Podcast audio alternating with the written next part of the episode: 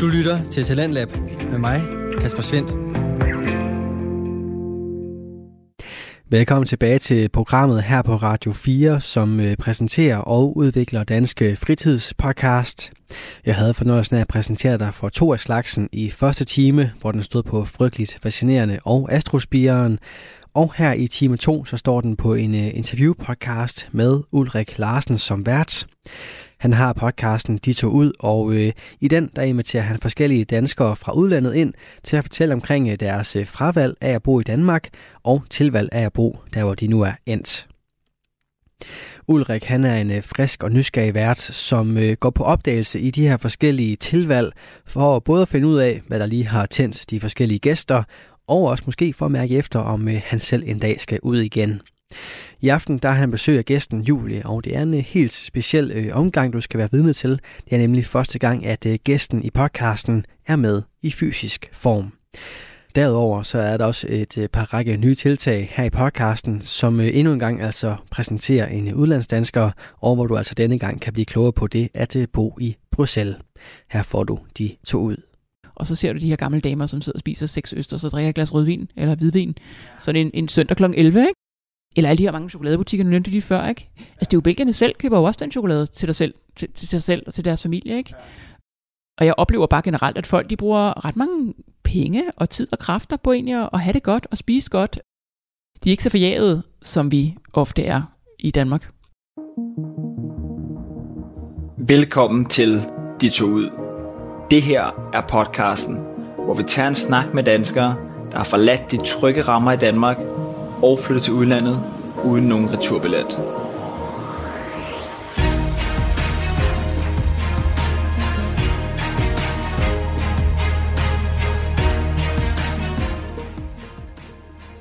Tanken om at tage ud og bo i et andet land permanent har altid fascineret mig.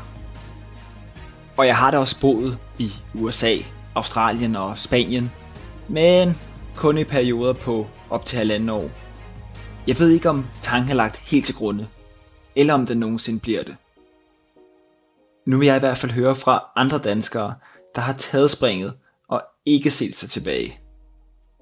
Jeg hedder Ulrik Larsen, og du lytter til podcasten De tog ud. Velkommen til. I den her episode skal jeg med til Belgien. Eller det skal i hvert fald handle om Bruxelles i, øh, i Belgien. Men derover skal I høre den første episode, som ikke er op til online. Jeg mødte nemlig Julie, vores gæst i dag, på den helt gammeldags manér, face to face. I hørte Julie i starten af episoden her. Og øh, som I hører lige om lidt, så arbejder Julie i Velux. Det er jo den her virksomhed med vinduerne, bare lidt så vi alle sammen er, er helt med. Hun arbejder selvfølgelig primært fra Bruxelles, men hun er også forbi deres kontor her i Danmark en, øh, en gang om måneden cirka. Og det var i den forbindelse, at jeg fangede øh, Julie til en snak. Derudover er jeg tilfældigt og helt bogstaveligt talt nabo til Velux's øh, kontor her i Hørsholm. Så meget nemmere bliver det heller ikke for mit vedkommende. Nok om det. I skal høre det mere om Julie, som I hørte i starten af episoden her. Julie er født i 1979, og hun er opvokset på den københavnske Vestegn. Som kun 18-årig forlader hun Danmark i første omgang, da hun øh, starter et job i Legoland i England. Julie ender i Bruxelles tilbage i 2006, og hvad der er sket inden og efter de år, får vi alt sammen svar på i, øh, i den her episode. Derudover har Julie to piger på henholdsvis 7 og 9 år. Og ja, som en enkelt af to, at jeg sidder og tænker, så har Julie studeret europapolitik. Det klarer hun også i England. Og så lige kommer rigtig i gang, og jeg siger hej på øh, tre forskellige sprog, så skal I vide, at der ikke kommer en sæson 2. Men øh, bare rolig, podcasten fortsætter. Det bliver bare sådan lidt mere forskelligt, hvor lang tid der går imellem hver episode, og derfor tænker jeg, at det ikke giver så meget mening, det her med at kalde det for en sæson. For der kan gå alt mellem et par uger og øh, et par måneder imellem hver afsnit. Ja, det bedste du gør, det er at trykke abonner. Så øh, får du nemlig en notification, når der ligger en ny episode klar til dig. Men øh, vi skal til i gang, og her kommer Julie. Bonjour, høj og guten tag. Julie, velkommen til Jo, Dis tak. Ud podcasten her. Du er jo, vil jeg sige normalt, vil vi optage online. I dag øh, optager vi face to face. men øh, du bor til daglig i Bruxelles i Belgien. Og i dag sidder vi og optager her i Velux lokaler i Hørsholm. Det er jo lidt tæt på, hvor jeg selv bor, så det er jo rart at, at kunne møde dig her. Hvor tit er du i, øh, i Danmark, så at sige? Jamen altså nu i forbindelse med jobbet er jeg nok øh, cirka en gang om måneden, vil jeg tro. Øh, og ellers er jeg privat øh, en 3-4 gange om året, sådan cirka. Okay. Og hvor længe har du været i, øh, i Velux nu? Jeg har været i Velux siden januar i år, så det er et ret nyt job. Øh, men før der arbejdede jeg for Danfoss, så der øh, var jeg jo så også hjemme øh, for at tale med mine kolleger der. Ja, så det du var i Danfoss, det var også det her med at komme tilbage til Danmark en, øh, en gang om måneden, eller hvor, hvor ofte var det dengang? Ah, i Danmark, Danfoss var nok lidt øh, anderledes, ikke mindst fordi en stor del af perioden selvfølgelig var corona, så det gjorde det lidt mere øh, besværligt øh, at komme frem og tilbage. Jeg vil sige, corona får jo virkelig en til at indse, at selvom Bruxelles er halvanden times flyvetur væk, øh, lige så snart der så kommer restriktioner og tests og fly, der bliver øh, hvad hedder det, annulleret, så er det faktisk ikke så sæt på alligevel. Så bliver det lidt mere, lidt mere besværligt? Ja, det tror jeg rigtig mange danskere i udlandet har oplevet, ikke? At øh, den her afstand, som man før synes var ingenting, den bliver så alligevel en hel del, når man på den måde er, er afskåret fra at komme, som man vil. Ja, hvad gjorde du så i perioden med corona? Var du bare, blev du nede i, i Bruxelles i den periode der? Nej, det gjorde jeg sådan set ikke. Altså, jeg var faktisk en hel del i Danmark, fordi der jo også var meget færre restriktioner i, øh, i, i, i Danmark, end der var i Belgien. Øh, men så kørte jeg typisk. Kørte Belgien sådan fuld lockdown? Altså var det noget med, at der var udgangsforbud og alt det her, som vi så nede i Italien og, og Spanien også? Ja, altså vi har jo ikke haft et, et reelt udgangsforbud på noget tidspunkt i, i, i Bruxelles, men altså vi havde et, øh, et forbud om at bevæge os mere end omkring en kilometer væk fra vores øh, egen øh, bopæl. Okay. Og, og vi havde øh, også øh, altså droner for eksempel, der fløj rundt i parkerne Ja. i byen og fortalte på tre spor, at man altså ikke måtte sætte sig ned, og man skulle blive ved med at gå osv. osv. Øh, og det troede jeg faktisk ikke på, indtil jeg så med mine egne øjne. Øh, og, og når man kigger tilbage, så er det jo fuldstændig spacey, altså at gå rundt, mens en drone skriger en, man ikke må sætte sig på en bænk. Ikke? Ja. Øh, og også svært, tror jeg, for rigtig mange danskere at forholde sig til, fordi det var simpelthen en helt anden virkelighed, end det var her. Ja, det lyder high-tech. Og det gider vi heller ikke mere, det er corona her. Det må vi hellere komme væk fra. Jeg håber godt nok ikke, det kommer tilbage igen her til, øh, til efteråret. Det ser jeg på, det ikke gør. Men jeg har jo lidt øh, opstartsspørgsmål til dig, mm. Julie, inden vi går i gang. Noget nyt, vi begynder på her i podcasten, det er, Yes. at min, min gæst spørger den kommende gæst om et spørgsmål. Og øh, nu havde jeg Anita med fra Frankrig sidste gang. Mhm. Og det Anita gerne vil spørge dig om, det er, hvor meget remoulade spiser I i din husstand på ordentlig basis, og hvordan får I fremskaffet det? Der kan jeg så sige, at vi spiser absolut intet remoulade, øh, så det er heller ikke noget problem at fremskaffe det. Det giver sig selv. Ja. Er det, er det sådan til at få danske varer ellers i, øh, i altså Bruxelles? faktisk kan man godt få øh, noget, der minder meget om remoulade, som hedder en biggie sauce, øh, men det er simpelthen ikke noget, jeg overhovedet til. Øh, ja, altså der er en, øh, en, en, et, et par danske butikker, hvor man kan købe alle de der øh, danske specialiteter, øh, men det er faktisk ufattelig få ting, jeg køber fra Danmark i Belgien. Altså jeg har det sådan, at når jeg er i Belgien, så spiser jeg belgisk, og når jeg så er i Danmark, så kan jeg godt lide at spise nogle ting her. Det giver god mening.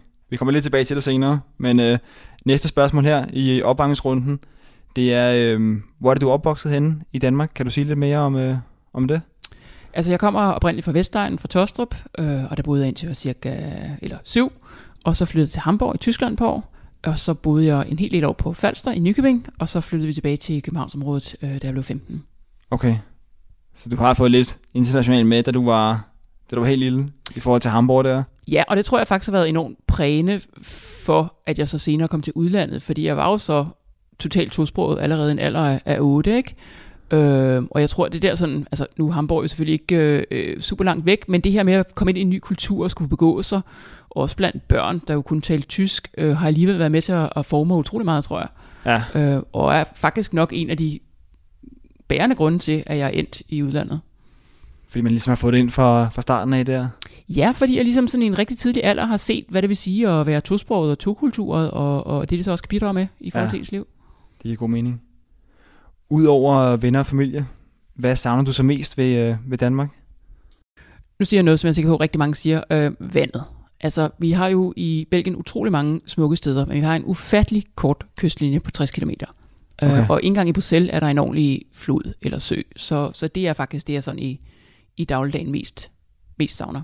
Er det både at, svømme i vandet og, bade, eller er det, er det udsigten bare til at kunne se noget vand et eller andet sted i, Jamen, i jeg tror, det er horisonten? det hele. Jeg tror, det er altså ideen om det her med, med, med horisonten og kysten og vandet, ikke? Øhm, og det mangler. Det er også sådan et samlingspunkt, øh, og det samlingspunkt synes jeg bare mangler. Øhm, og jeg kommer til at tænke på, at på et tidspunkt, der er ufattelig få sådan større byer, jeg kan tænke på, som ikke har en ordentlig form for vand i sig. Øh, og Bruxelles øh, har det ikke simpelthen, og det, øh, det Ja. savner jeg. Ja. Vi har lige et par spørgsmål tilbage i, i opvarmningsrunden her. Hvilken genstand er du gladest for, at du har taget med fra Danmark af? Altså, nu siger du genstand, men jeg vil sige, at jeg er jo stadigvæk efter så mange år i udlandet øh, på mange måder meget dansk kulturelt præget, så det er vel ikke en genstand, men det er i hvert fald noget, jeg har taget med mig, og som jeg også øh, stadigvæk selvfølgelig øh, bruger min dagligdag. Ja. Øhm, Det får vi jo afklaret lidt senere. Ja, jeg har jo en lille test, ting. Julie, Ja. hvor, hvor belgisk versus dansk er du. Ja. Det skal vi have afklaret. Der går ikke lang tid. Det skal vi have lige om lidt her også. Sidste opgangsspørgsmål. Det er den mere alvorlige ende af spektret her. Kan du forklare forskellen på en, øh, en belgisk vaffel fra Liège? Liège hedder det? Ja. Eller Bruxelles? Jeg kan forstå, at der er to typer af belgisk Ja. vaffel. Det ved jeg ikke, om du er, er mere inde i. Jo jo, altså den, øh, den fra øh, Liège er øh, tykkere og mere sådan karamelliseret, øh, Okay. og den fra Bruxelles er lidt, lidt fladere øh, og lidt, øh, lidt mindre dens, altså Ja. ja. lidt mindre tyk i smagen. Jeg kan bedst lide den fra Liège. Lidt mere rektankel, den fra Det er Bruxelles der. Bruxelles, ja. ja. Liège, det er godt nok et svært ord. Der er, der er noget, noget fransk ind over det. Men altså, jeg tror på en typisk, eller anden måde. Ja, men altså typisk, når folk siger belgisk vaffel, så mener de jo den fra Liège, ikke? Øh, Ja. Det er også min favorit, men øh, jeg spiser nok ikke så mange. Ja, det er den originale influencer på en eller anden måde. Det synes jeg. Den er mere rund i det, ikke? Eller hvordan? Når du den beskriver er, det tykkere jo, i det. Lidt, øh, lidt mere oval, kan man sige, og sådan lidt tykkere, så det er mere sådan karamelliseret. Ja, Det er mere kageagtigt efter min sådan smag. ja. Du var lidt inde på det med, med vandet før. Nu går vi for, for alvor i gang her. Men kan du lige forklare for mig og lytteren, sådan, hvor, hvor ligger Belgien og hvor ligger Bruxelles hen, hvis vi både tager øh, ja, verdenskortet og, og derefter sådan selve Belgien? Men Hvor, hvor ligger Belgien henne? Jamen altså, Belgien øh, ligger jo øh, lige omkring øh, 1000 øh, syd for øh, Danmark, mellem øh, Holland, Tyskland, Frankrig og Luxembourg. Øh, det er et land på cirka 30.000 kvadratkilometer, øh, så lidt mindre end Danmark, øh, men med en befolkning på 11 millioner, så en del flere i Danmark. Øh, og som jeg lige sagde før, så er der en ganske kort kystlinje på omkring 60 km, øh, og resten af landet er så som sagt øh, øh, omgivet af de her nabolande. Ja. Hvordan ser vi landskabet? Er det ligesom, øh, nu ligger det lige op af, af Holland jo, det ligger sådan lidt meget godt, som du siger, sådan lidt klemt ind der under Holland, ikke? Yes. Og, og lige over Frankrig der, med en øh, kort kystlinje. Altså kort kystlinje, og så har vi noget, som belgierne kalder bjerge, og som jo også i dansk optik vil være bjerge øh, nede sydpå, Ardennerne, øh, og ellers sådan et varieret landskab i, i resten af landet. Okay. Men utroligt kompakt, fordi i modsætning til Danmark er der jo ikke nogen øer, så man kan jo køre igennem hele landet på halvanden time. Ja, ja. Så man mærker det her med, at der er, der er sådan små og mellemstore byer over det hele, altså i forhold til Danmark. Ja, altså det er jo ganske tæt befolket i, i forhold til Danmark, ikke? Og jeg tror, det jeg mest mærker og også sætter pris på, det er det her med, at vi er så centralt placeret i forhold til resten af Europa. Ja. Øh, altså man er jo ganske hurtigt ude af landet og inde i et andet. Ja. Øhm, og fordi der heller ikke er noget fysisk, så som en bro eller en færge, så øh, de her grænser bliver også udvisket på en anden måde, end de gør i Danmark. Det må også være sjovt på den måde, at man kan køre så hurtigt fra det ene til det andet. Altså, hvor lang tid tager det at køre igennem Belgien, tror du? Ja, men jeg tror, det tager cirka ja, halvanden time. Cirka Ja. ja. nok på hver vej, tror jeg. Altså i hvert fald nu, øh, nu er du fra Torstrup, ikke? Øh, Mere eller mindre, og jeg kommer selv fra, fra Rødovre af. Altså vi er da painfully klar over, når vi forlader Danmark, synes jeg, ikke? Enten så betaler man penge og kommer over til, til Sverige, hvis man gerne vil det, af en eller anden årsag, eller også så skal du hele vejen ned til, øh, til Sydland, jo. Ja, Så jeg tror, at som dansker, medmindre man bor i, i Syd, Sønderjylland, så tror jeg, man er, så er det noget en tur, man skal ud på, alligevel med broer og... Ja, det er det, og jeg tror bare, altså, vi bruger jo bare det omkringliggende land på en helt anden måde, fordi vi Ja. der til så hurtigt. Um, og det synes jeg er rigtig fedt ved at være i, i Belgien og i Bruxelles. Ja. Er du ofte sådan en smuttur i, øh, i Frankrig, eller... Altså Eller ja, nu har jeg lige været i Champagne for eksempel med en ven nogle dage, og det tog så en 3,5 time at køre derned. Ja, Um, og det er jo en luksus, kan man sige, uh, for de fleste danskere i hvert fald, at man ikke kan udmærket Champagne, lige at, Ja, ja, lige at komme ned og, og hygge lidt. Og det man masser af. Ja. I fik drukket en del champagne dernede også, så Altså, vi købte en del med hjem, sådan vil jeg sige det. Så uh, jo, det var en investering. det var du, du, du, ja. Og hvad med Bruxelles? Det er jo også en lidt, øh, hvad skal man sige, mangfoldig by, ikke? Altså, der, der er flere, flere sprog, kan jeg forstå, og der er... Ja, altså nu, er, nu laver de jo alle de her lister, og, og ifølge den, der er Bruxelles den øh, anden mest øh, diversified øh, by i verden efter Dubai, øh, Ja. har jeg lavet mig øh, fortælle. Fordi dels er vi jo tre officielle sprog i, øh, i Belgien, øh, fransk, hollandsk og tysk, øh, som du også nævnte. Og så bor der jo simpelthen folk fra alverdens steder, øh, og det er jo folk, som er kommet i forbindelse med EU-institutionerne, det er folk, der er kommet i forbindelse med internationale organisationer, som for eksempel NATO, og så er det jo tilvandring. Øh, så det er en, en meget, meget broget skare, og... Øh, som eksempel kan jeg sige, at, at mine piger de går på sådan en egentlig helt normal øh, belgisk øh, øh, skole, og der er jo ikke et eneste barn i nogle af deres klasser, der har to belgiske forældre. Altså alle Okay. folk er simpelthen mindst belgisk og et eller andet andet. Ja, ja. Hvad med sådan sprogmæssigt? Hvad, hvad taler du mest i hverdagen så selv? Altså, øh, Bruxelles er jo en fransktalende by, øh, officielt i hvert fald. Øh, så jeg taler altså sådan i det daglige fransk på arbejdet, typisk øh, engelsk, også en del tysk øh, eller dansk. Og du er godt kørende på, øh, på alle sprog så, eller hvordan? Ja, det er jeg jo efter de mange år. Øhm, hollandsk, øh, jeg forstår alt, jeg kan sige noget, øh, men det er altså også lidt svært at være motiveret til at lære det sådan ordentligt, når man Ja. bor i en by, som er 90% fransktalende. Jeg synes, Holland, det lyder meget som dansk, ikke? Altså, jeg tror, man man siger det her med, hvis der sidder to personer, eller en person, der ikke forstår hverken, hverken hollandsk eller, eller dansk, så lyder det lidt som det samme Jamen, det er også udefra. rigtigt. Altså, der er sådan et eller andet klang over, det er altså nogenlunde det samme der. Altså, jeg er rigtig meget udenfor, at når jeg selv tæller dansk med mine øh, børn, for eksempel, så tror fransktalende belgier, at vi er øh, flamsktalende, altså hollandsktalende. ja. Øhm, og så slår de over på deres rigtig dårlige hollandske, og så slår jeg over på mit dårlige hollandske, og så er de grund meget mere besværligt for os begge to, Ja, i stedet for ja. bare at fortsætte på fransk. ja. Så, så det er helt klart, altså folk, der ikke kender sprogene godt, de hører øh, de toner i det. Ja, okay. Hvor bor du henne i Bruxelles?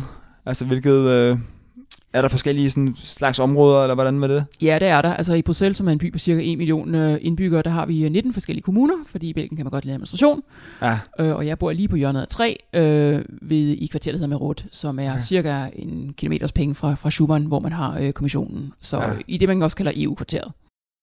Og det er jo også sådan ret typisk, at langt de fleste expats i Bruxelles, som, øh, som har et eller andet med EU at gøre, og som ikke har valgt at bo uden for byen, jamen de bor i de samme kommuner, Ja. eller tæt på institutionerne, og det gør jeg så også. ja. Vi spoler lige tiden lidt tilbage her. Øh, Julie, hvornår var det, du øh, flyttede til, øh, til Bruxelles? Jamen, jeg kom i øh, sommeren 2006, øh, og der kom jeg direkte fra Washington D.C., øh, hvor jeg havde været i praktik på, på EU-kommissionens delegation, som det hed dengang. Ja. Og øh, så endte jeg egentlig i Bruxelles sådan lidt tilfældigt. Altså, jeg har læst øh, europapolitik, så på den måde så joker jeg med, at jeg ligesom altid har læst herinde i Bruxelles. Ja. Øhm, men jeg læste i England, og på det tidspunkt, der flyttede de fleste af mine øh, studiekammerater til London, og så tænkte jeg, hvor har man det bedste liv på sådan en entry-level uh, salary? I London eller i Bruxelles? Så tænkte jeg, det har jeg nok i Bruxelles. Og så på sådan en rigtig typisk Bruxelles-manér, så øh, kendte jeg en, der kendte en, der kendte en, der kendte en, øh, som søgte en medarbejder, og øh, jeg gik så til interview og, og fik det job, og det var egentlig sådan, jeg startede i Bruxelles. Okay. Hvad, hvad med, så lad os bruge tiden endnu længere tilbage. Altså, hvor- hvordan du står, hvor gammel er du, da du forlader Danmark? Øh, altså I 18 første i grunden. 18? Ja. Ja. Og der tænker du, der skal ske et eller andet, eller hvad, hvad havde du af tanker dengang? Jamen, øh, jeg tror... Jeg tænkte, der skulle ske noget. Jeg var færdig med gymnasiet, og så i første omgang, så tog jeg faktisk til, til Legoland i Windsor i England, og arbejdede derovre i seks måneder. Så det var sådan uh, safe bet, kan man sige. Og så tænkte jeg, jeg har simpelthen ikke fået forlystelsespakker nok. Og så tog jeg videre til Disneyland i Paris. og øh, der var jeg så også.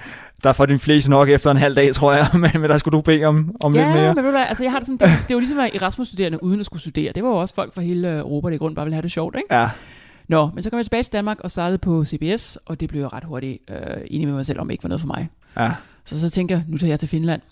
Øh, så det gør jeg. Og det var så gennem sådan et øh, udviklingsprogram gennem øh, Nordjob.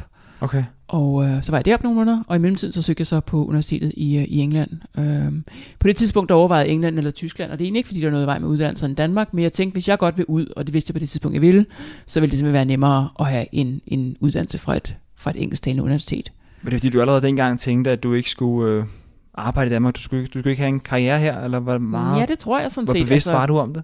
Jamen, det ved jeg. Jeg, jeg, tror, jeg, tror, jeg tror egentlig ikke, at jeg sådan var bevidst på den måde. Øh, men i underbevidstheden tror jeg, at det nok stod mig klart, at jeg nok skulle ja. i hvert fald tilbringe en masse tid uden for Danmark. okay. Du lytter til Radio 4. Du er skruet ind på programmet Talents Lab, hvor jeg, Kasper Svendt, i aften kan præsentere dig for tre afsnit fra Danske Fritidspodcast. Her med det tredje er det fra De to ud, som øh, har verden Ulrik Larsen. Han taler i aftenens afsnit med gæsten Julie omkring det at øh, bo i Bruxelles, og i deres samtale vender vi tilbage til her. Så da du så flyttede til Bruxelles, altså havde du et job på hånden der? Eller flyttede du egentlig derned og tænker, så må jeg finde et job Altså, øh, undervejs? Jeg havde som sagt, da jeg rejste fra, fra DC, der fik jeg nogle kontakter med, det er også meget typisk bruxelsk, du ved, ring til de her fem mennesker. Ja, Og så pakkede min kuffert og fløj til Bruxelles, og så ringede jeg til de fem mennesker. Så jeg havde faktisk ikke noget konkret, da jeg kom derned.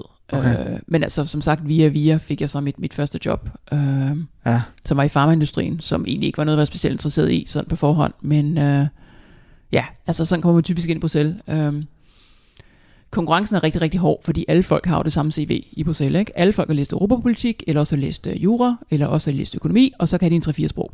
Ja. Så på, sådan på entry level er det rigtig svært at skille sig ud, så derfor var det også vigtigt at komme ind, og så komme i gang, og det gjorde jeg så, og så har jeg taget den derfra. Okay.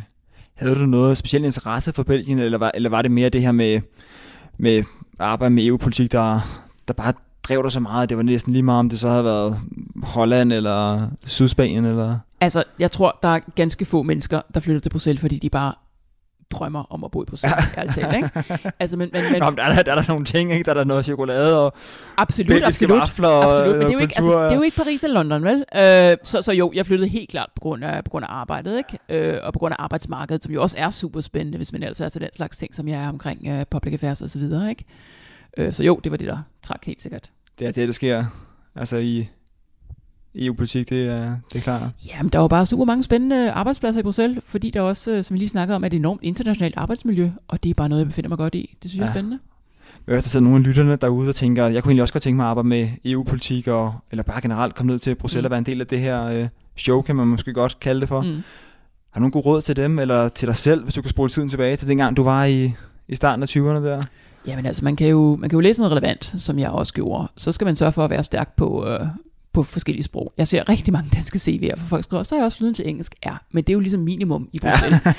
Altså, du skal helst have noget fransk, eller noget tysk, eller noget andet, også øh, ud over det, ikke? Ja. Øh, og så det her med, at, øh, og det er vi måske blevet bedre til i mellemtiden, men, men danskerne er ikke rigtig gode, ikke særlig gode til sådan at, at komme og banke på døren.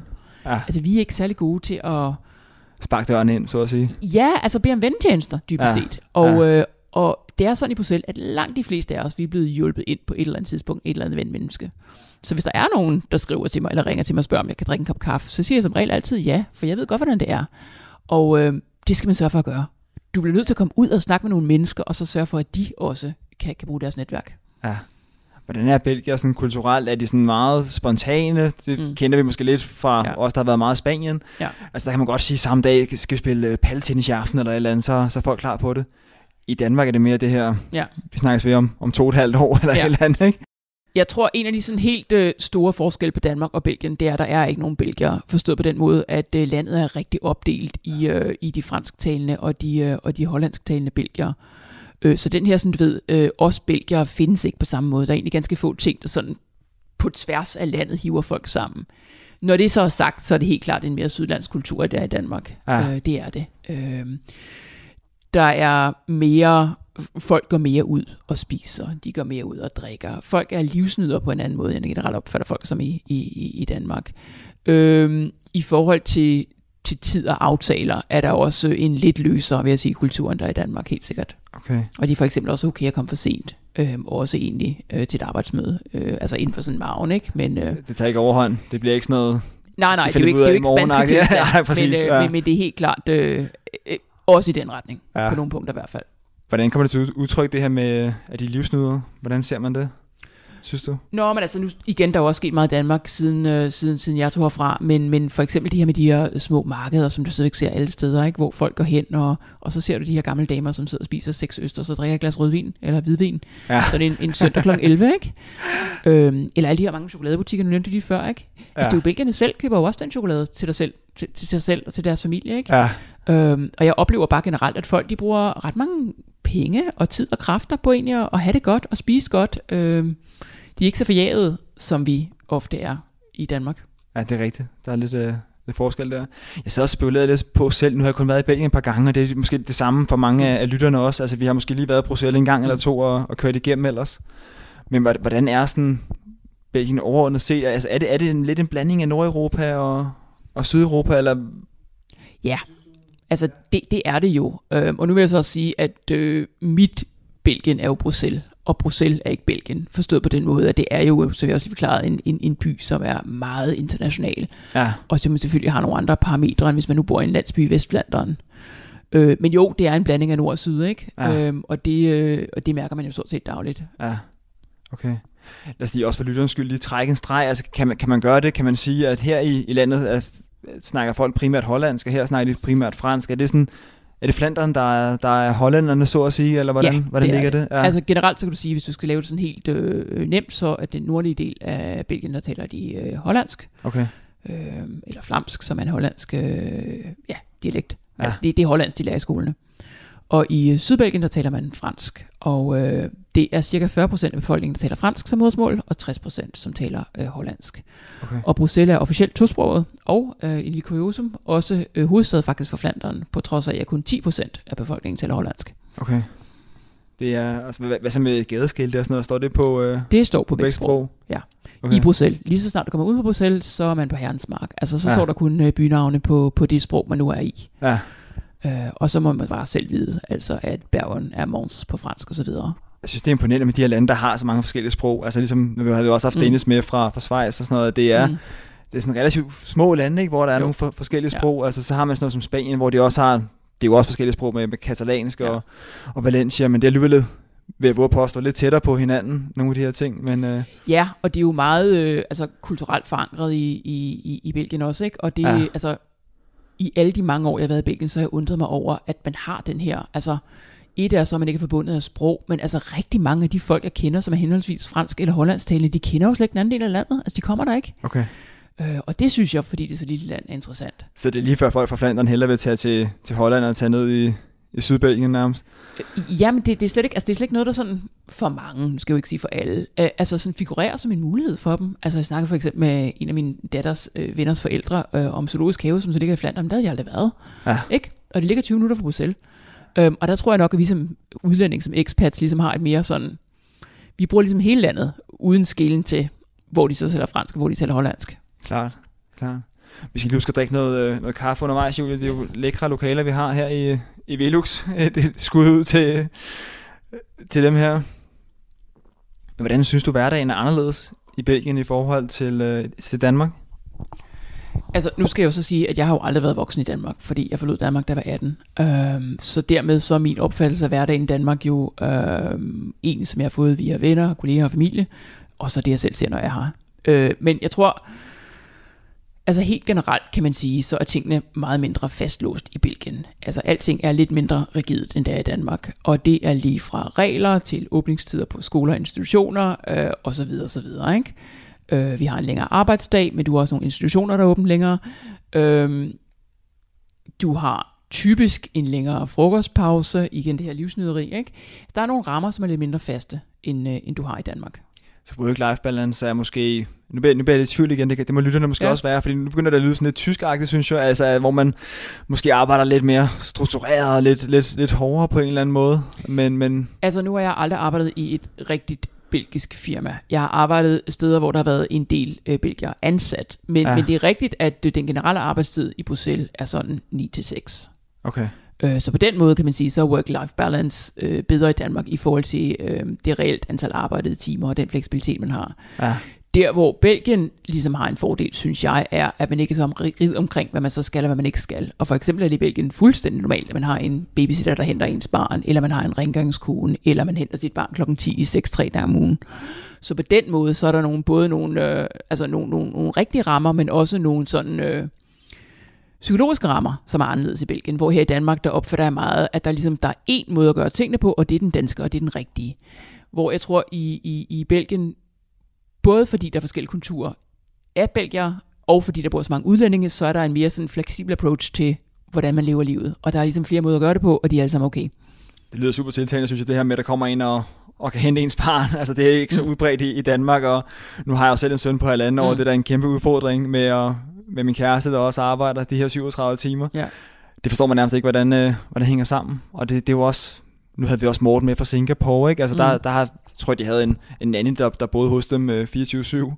Så det er, jo, det er jo noget, man ser i andre, øh, andre lande, det her, og så sjovt det også er sådan, i Belgien er det mere...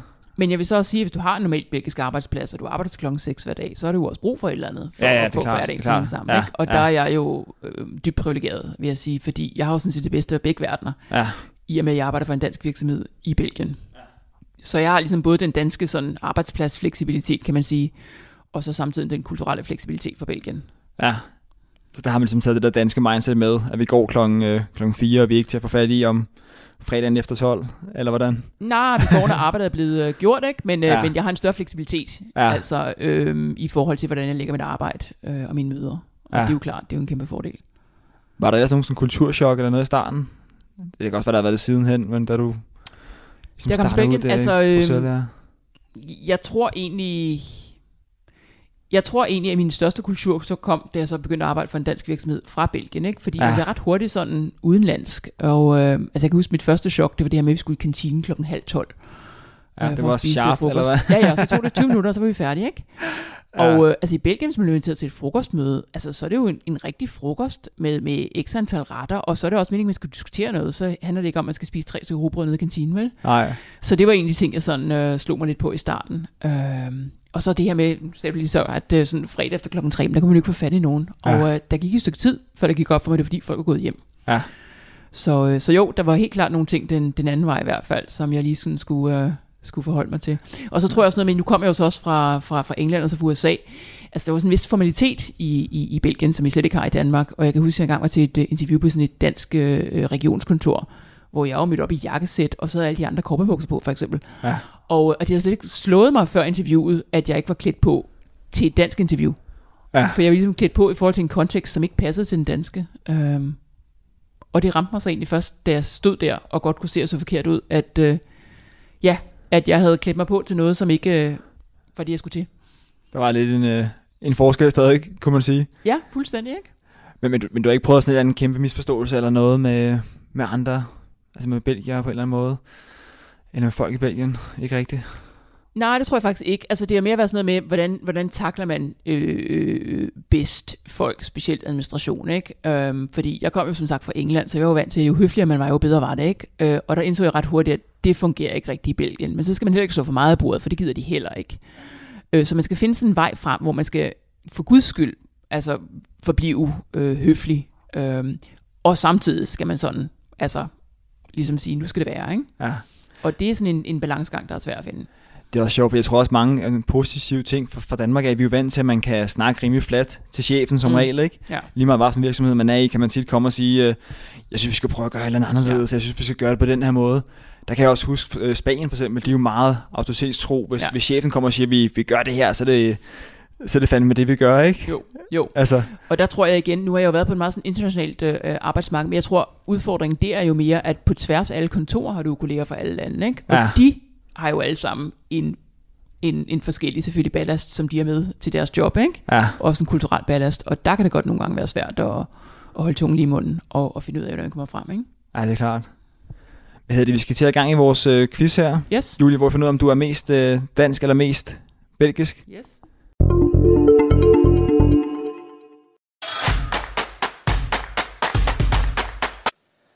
Ladies and gentlemen, Let's start the quiz. Jeg brød lige ind her. Vi er nået til vores øh, quiz, men desværre skete der det. Altså nu var det første gang, jeg optog øh, face to face med en af mine gæster her i podcasten, de tog ud. Og den har ikke rigtig fanget min mikrofon i det næste, I skal høre. Så jeg beklager, men det sidste kvarter 20 minutter af dagens afsnit, der er det kun øh, Julie, men det er så godt, det er hende, der går klart igennem. Og min lyd er rådet væk.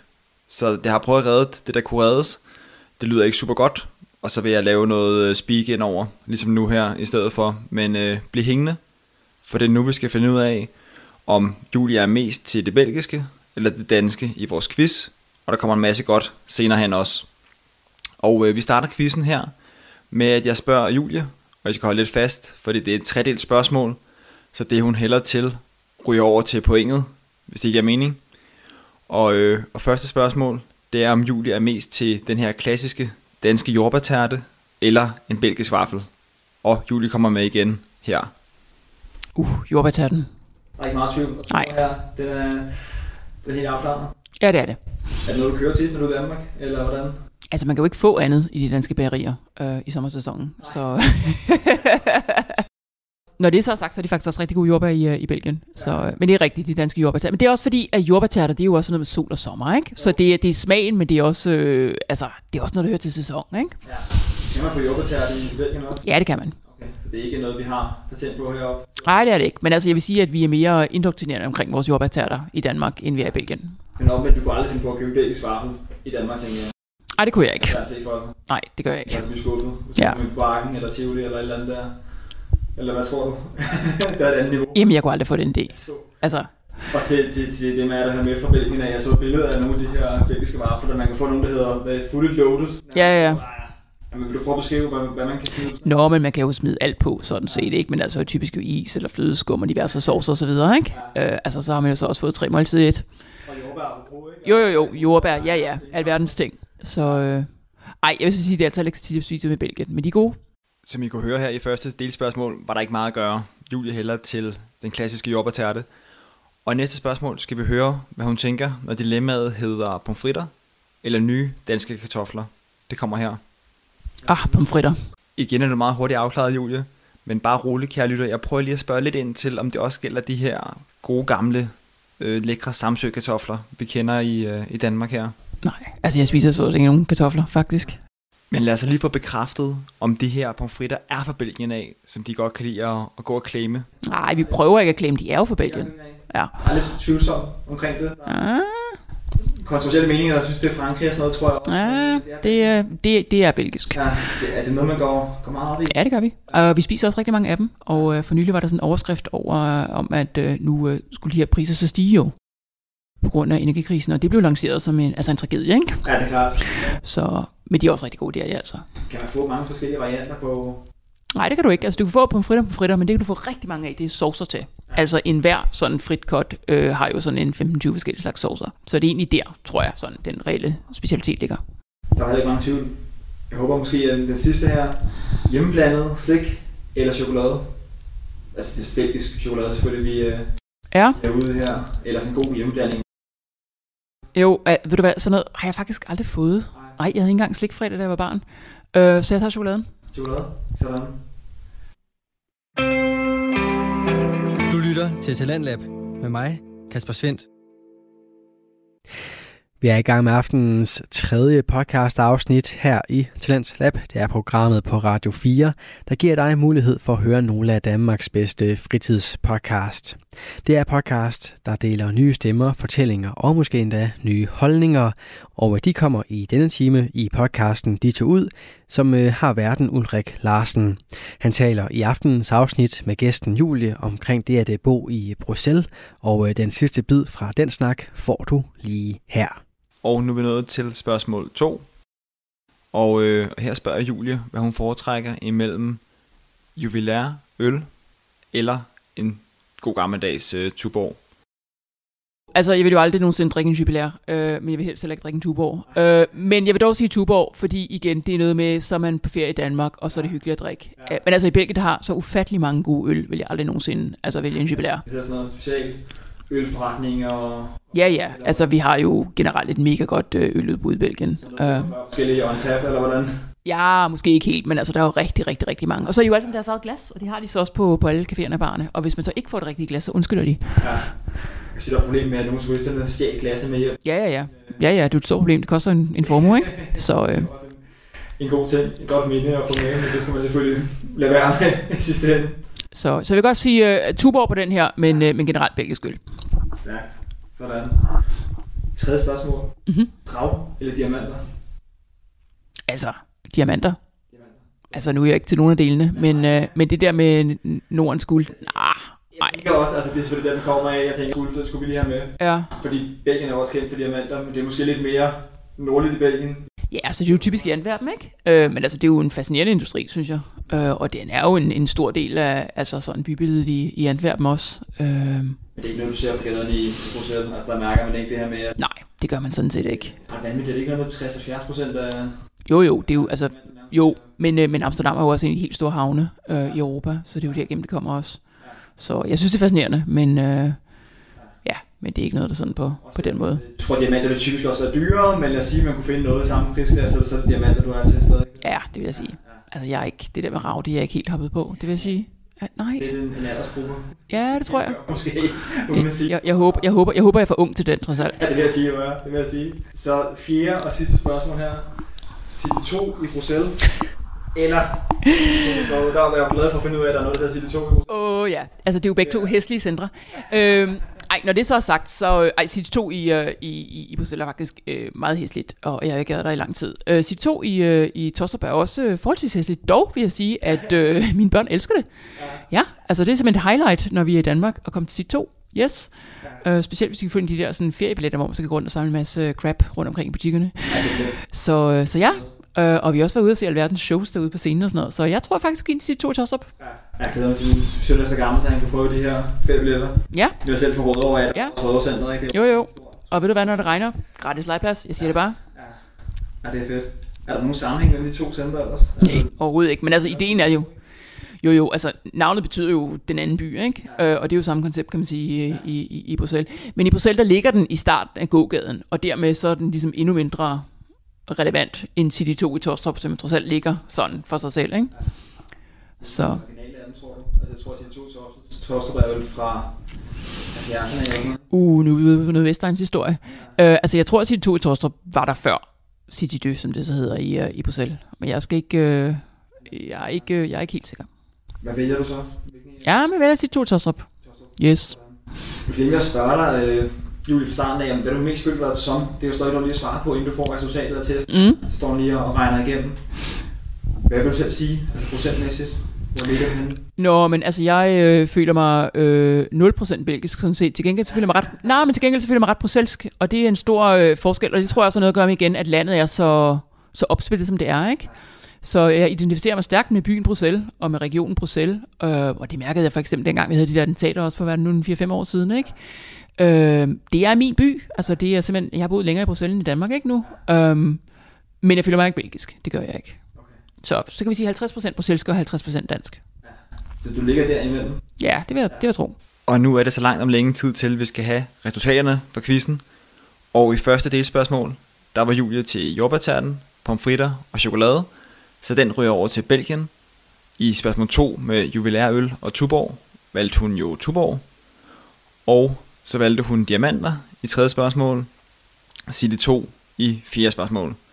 Og det giver faktisk lidt den her 50-50 splittelse. Så jeg starter lige med at anklage Julie for, at hun havde været lidt uspekuleret og regnet den ud. Men lad os øh, tjekke ind igen her og høre reaktionen på resultatet. Ej, altså så øh, udspekuleret har jeg trods alt ikke været. Men, øh, men jeg tror som sagt, at altså, jeg har en meget stærk forankring til Bruxelles. Øh, men ikke til Belgien som sådan. Og det synes jeg egentlig også er en af fordelene ved at være sådan øh, en, en expat, at man kan jo ligesom tage de ting, man kan lide for den kultur, man bor i, og den kultur, man kommer fra. Og øh, det skaber for mig en, øh, en skøn blanding, alt talt.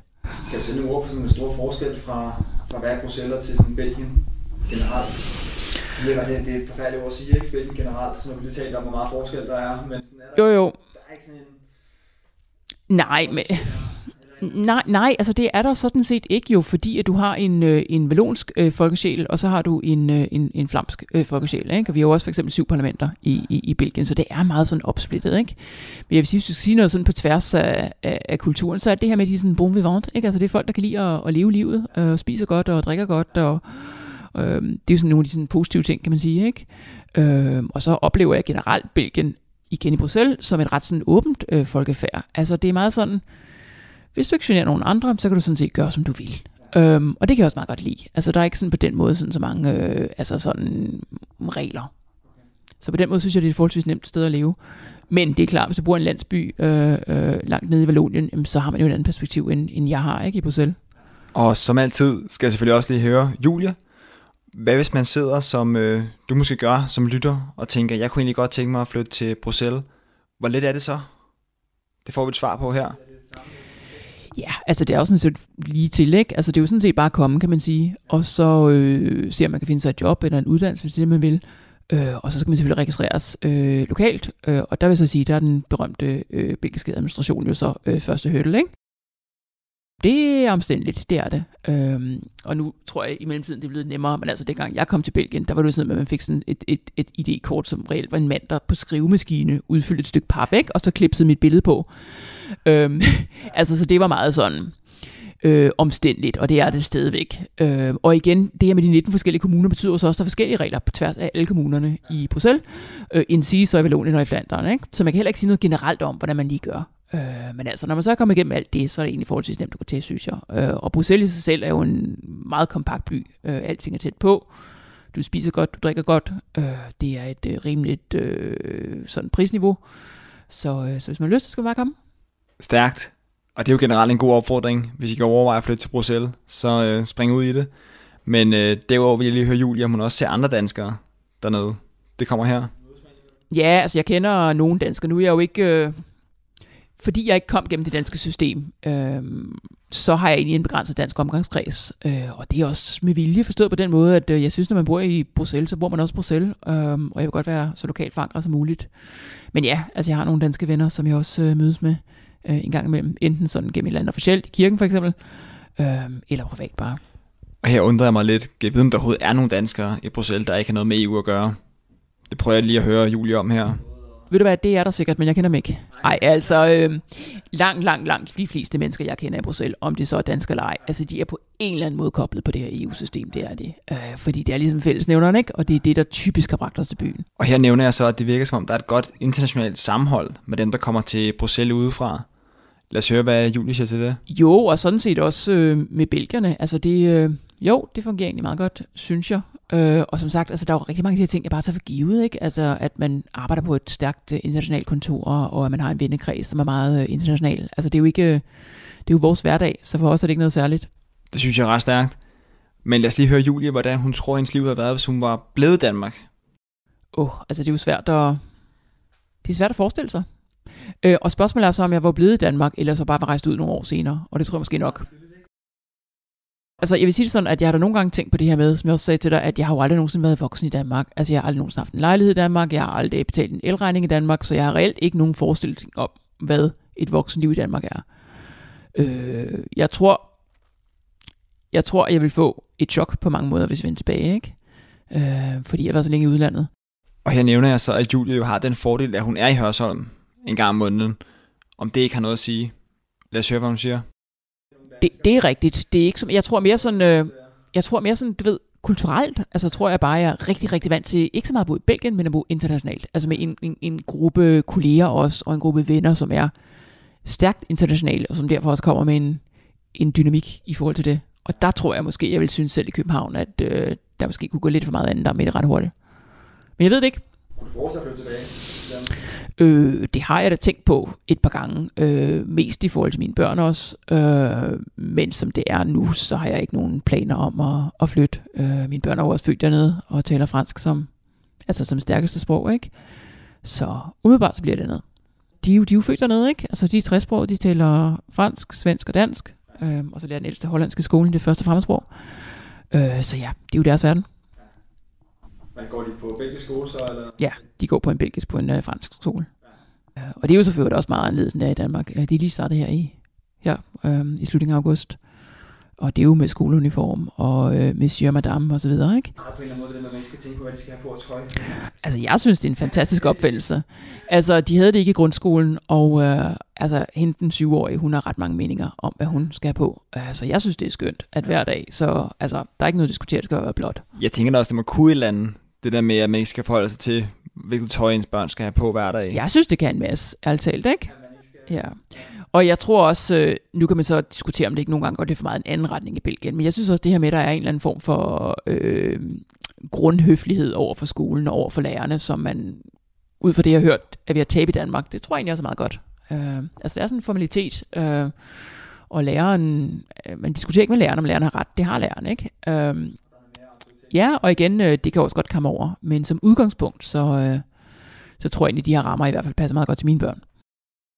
Uh, og igen, øh, jeg tror, at den perfekte skole ligger der et eller andet sted mellem den belgiske og den danske. Uh, men jeg har det også meget sådan, at når man nu har valgt at bo i Belgien og få sine børn i Belgien, så er det også vigtigt at støtte op om det system, man er i. Altså jeg møder rigtig mange mennesker, som laver det her, som jeg kalder sådan Belgium bashing, ikke? hvor der er noget galt med det, og der er noget galt med det, og der er noget galt med det. Og så tænker jeg, ved du hvad, hvis du har valgt at bo i Belgien, og du har valgt for børn i Belgien, så må man jo også nødvendigvis støtte op om det system, man er i. Øhm, og det er klart, der er nogle ting, der måske kunne være på en anden måde, og det er klart, der er nogle ting, hvor Danmark måske er bedre. Men så er der også ting, hvor Belgien er bedre. Øhm, men for mig er det rigtig, rigtig vigtigt at være positiv omkring det sted, vi bor, og også integrere os det sted, hvor vi nu bor.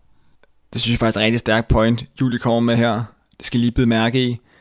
Altså det der med, at når man har valgt at bosætte sig afsted, så få det bedste ud af det. Altså have et positivt mindset, det tror jeg, man kommer rigtig langt med. Og ellers skal man måske også overveje, hvad, hvad laver man i virkeligheden så, øh, så det her sted. Så en rigtig god point. Og her i slutningen af interviewet skal jeg så lige høre Julie, om hun ikke har et spørgsmål til øh, min næste gæst. Uh, det er jo svært. Uh, ja, det med remouladen var lidt en nitte, kan man sige. Uh, man kan vel spørge, om de uh, Ej, det er jo alligevel en spørgsmål. Jeg tænker på, altså hvis man skulle sige sådan top tre ting, som du savner fra Danmark. Ja. Top 3? Ja. Får selv spørgsmålet også, skal jeg huske. Nå, jeg får også selv spørgsmålet. Altså, det- altså, hvad, hvad, hvad, er top 3, du savner?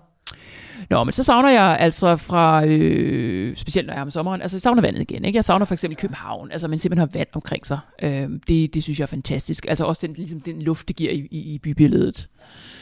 Øh, Har vi over det hele, ikke? Altså, Jo.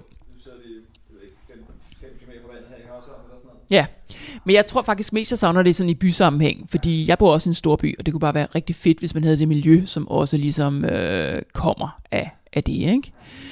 Øh, hvad savner jeg ellers? Så kunne det godt være lidt fladere i Bruxelles, ikke? så man kan cykle lidt mere. Øh, der er forholdsvis mange bakker hos os. Ah, altså jo, der er en god professionel cykel. Der er en god professionel cykelkultur. Uh, vi skal først lære i Bruxelles at, at cykle, og uh, det er virkelig taget til under corona, men folk kører jo som en, altså, ja, som galninger. Så det, uh, der tænker jeg også, at vi kan lære noget. Det vil også være godt. Og hvis jeg så skal sige noget, øh, noget, noget, noget mad, så vil jeg godt sige hindbærsnitter. Ja, jeg elsker hindbærsnitter. Ja, det er sådan noget, jeg køber, når jeg er i Danmark. Så vi tager øh, havnemiljøet i København, simpelthen cykelkultur og hindbærsnitter. Så er der også lidt til alle. Det synes jeg skulle var en øh, super stærk top 3, Julie. Og øh, den tager jeg med videre til vores næste gæst.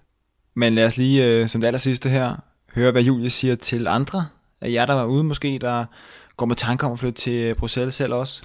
Nå, men jeg vil sige, øh, kom, ikke? Altså som jeg også... Øh, jeg endte ikke tilfældigt i Belgien, men det, det var ikke på det tidspunkt øh, min plan, at jeg skulle blive så mange år som er der. Men jeg tror, man skal tage livet lidt, som det kommer. Øh, både i forhold til at flytte, og i forhold til job, og i forhold til så meget andet. Øh, det har altid været sådan min filosofi, at hvis der er en åben dør, så går jeg igennem den. Og hvis den ikke er åben, jeg godt vil have, den åbner sig, så gør jeg noget for det, ikke? Og øh, længere væk er vi jo heller ikke. Så kom, et halvt år, et år, og så se, hvad du synes. Og min generelle sådan opfattelse er, enten så kommer folk sådan udstationeret, enten så kommer folk helt kort, sådan nogle studerende, der kommer enten for at læse eller praktikophold, så er det der seks måneder. Eller også kommer folk udstationeret en to-tre år, eller også så ender folk ligesom mig med at blive sådan en slags fastligger, ikke? hvor vi egentlig bare er der. Det her var endnu en episode af Dit Ud podcasten. Mange tak til dig, Julie, for at du har lyst til at være med. Og jeg beklager både over for øh, dig og lytteren selvfølgelig, at, øh, at det ikke lige gik så godt med lyden til sidst her, men øh, I skal vide, at jeg har brugt lang tid på at, øh, at gøre op for det, det sidste kvarters tid her med, med Speak. Så der, øh, der lærte man noget i det første interview her, hvor at, øh, at vi havde en øh, gæst med face to face for første gang. Men det var fedt, og det, øh, det kunne noget. Så for fremtiden af kan I godt regne med, at det bliver måske øh, lidt en blanding af gæster, jeg får ind eller mødes med. Og så de her klassiske øh, interviews online. Det håber jeg, I synes er, er cool. Og øh, ellers, så husk at følge podcasten inde på Instagram, Facebook. Og giv gerne en anmeldelse også. Det er med til, at øh, podcasten kommer ud til flere potentielle lyttere, der måske får noget værdi og, og glæde af at lytte med. Det vil være en stor hjælp at gå ind og, øh, og give den gerne fem stjerner selvfølgelig, som, øh, som en del af jer faktisk har gjort nu. Det sætter jeg stor pris på. Og ellers så er der ikke rigtig andet tilbage end at sige øh, tak for nu. Og vi lyttes ved i næste afsnit af De to ud. Tak for at du hørte med.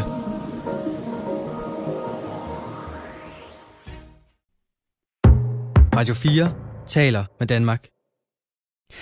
Og således så kom vi altså frem til øh, enden på aftenens program. Mit navn er Kasper Svens, og øh, jeg har haft fornøjelsen af at præsentere dig for tre forskellige fritidspodcast. Vi startede i det skrækkelige og skræmmende, nemlig med podcasten Frygteligt Fascinerende og Verden Maria Kudal, som fortalte omkring Facebooks indholdsmoderatorer. Derefter så tog Tasha Andersen over og fortalte os omkring horoskopets oppositioner, og det gjorde hun i podcasten Astrospiren. Her i time 2 så tog Ulrik Larsen over i interviewpodcasten De tog ud, hvor han denne gang havde gæsten Julie med til at fortælle omkring det at øh, bo i Bruxelles.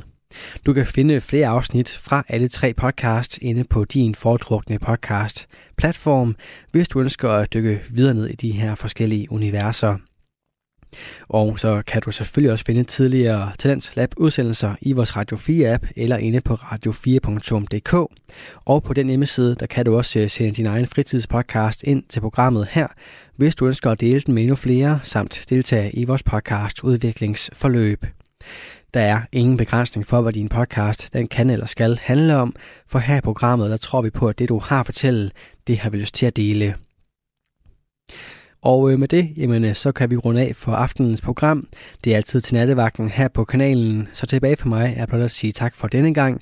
God fornøjelse og forhåbentlig også på genlyt.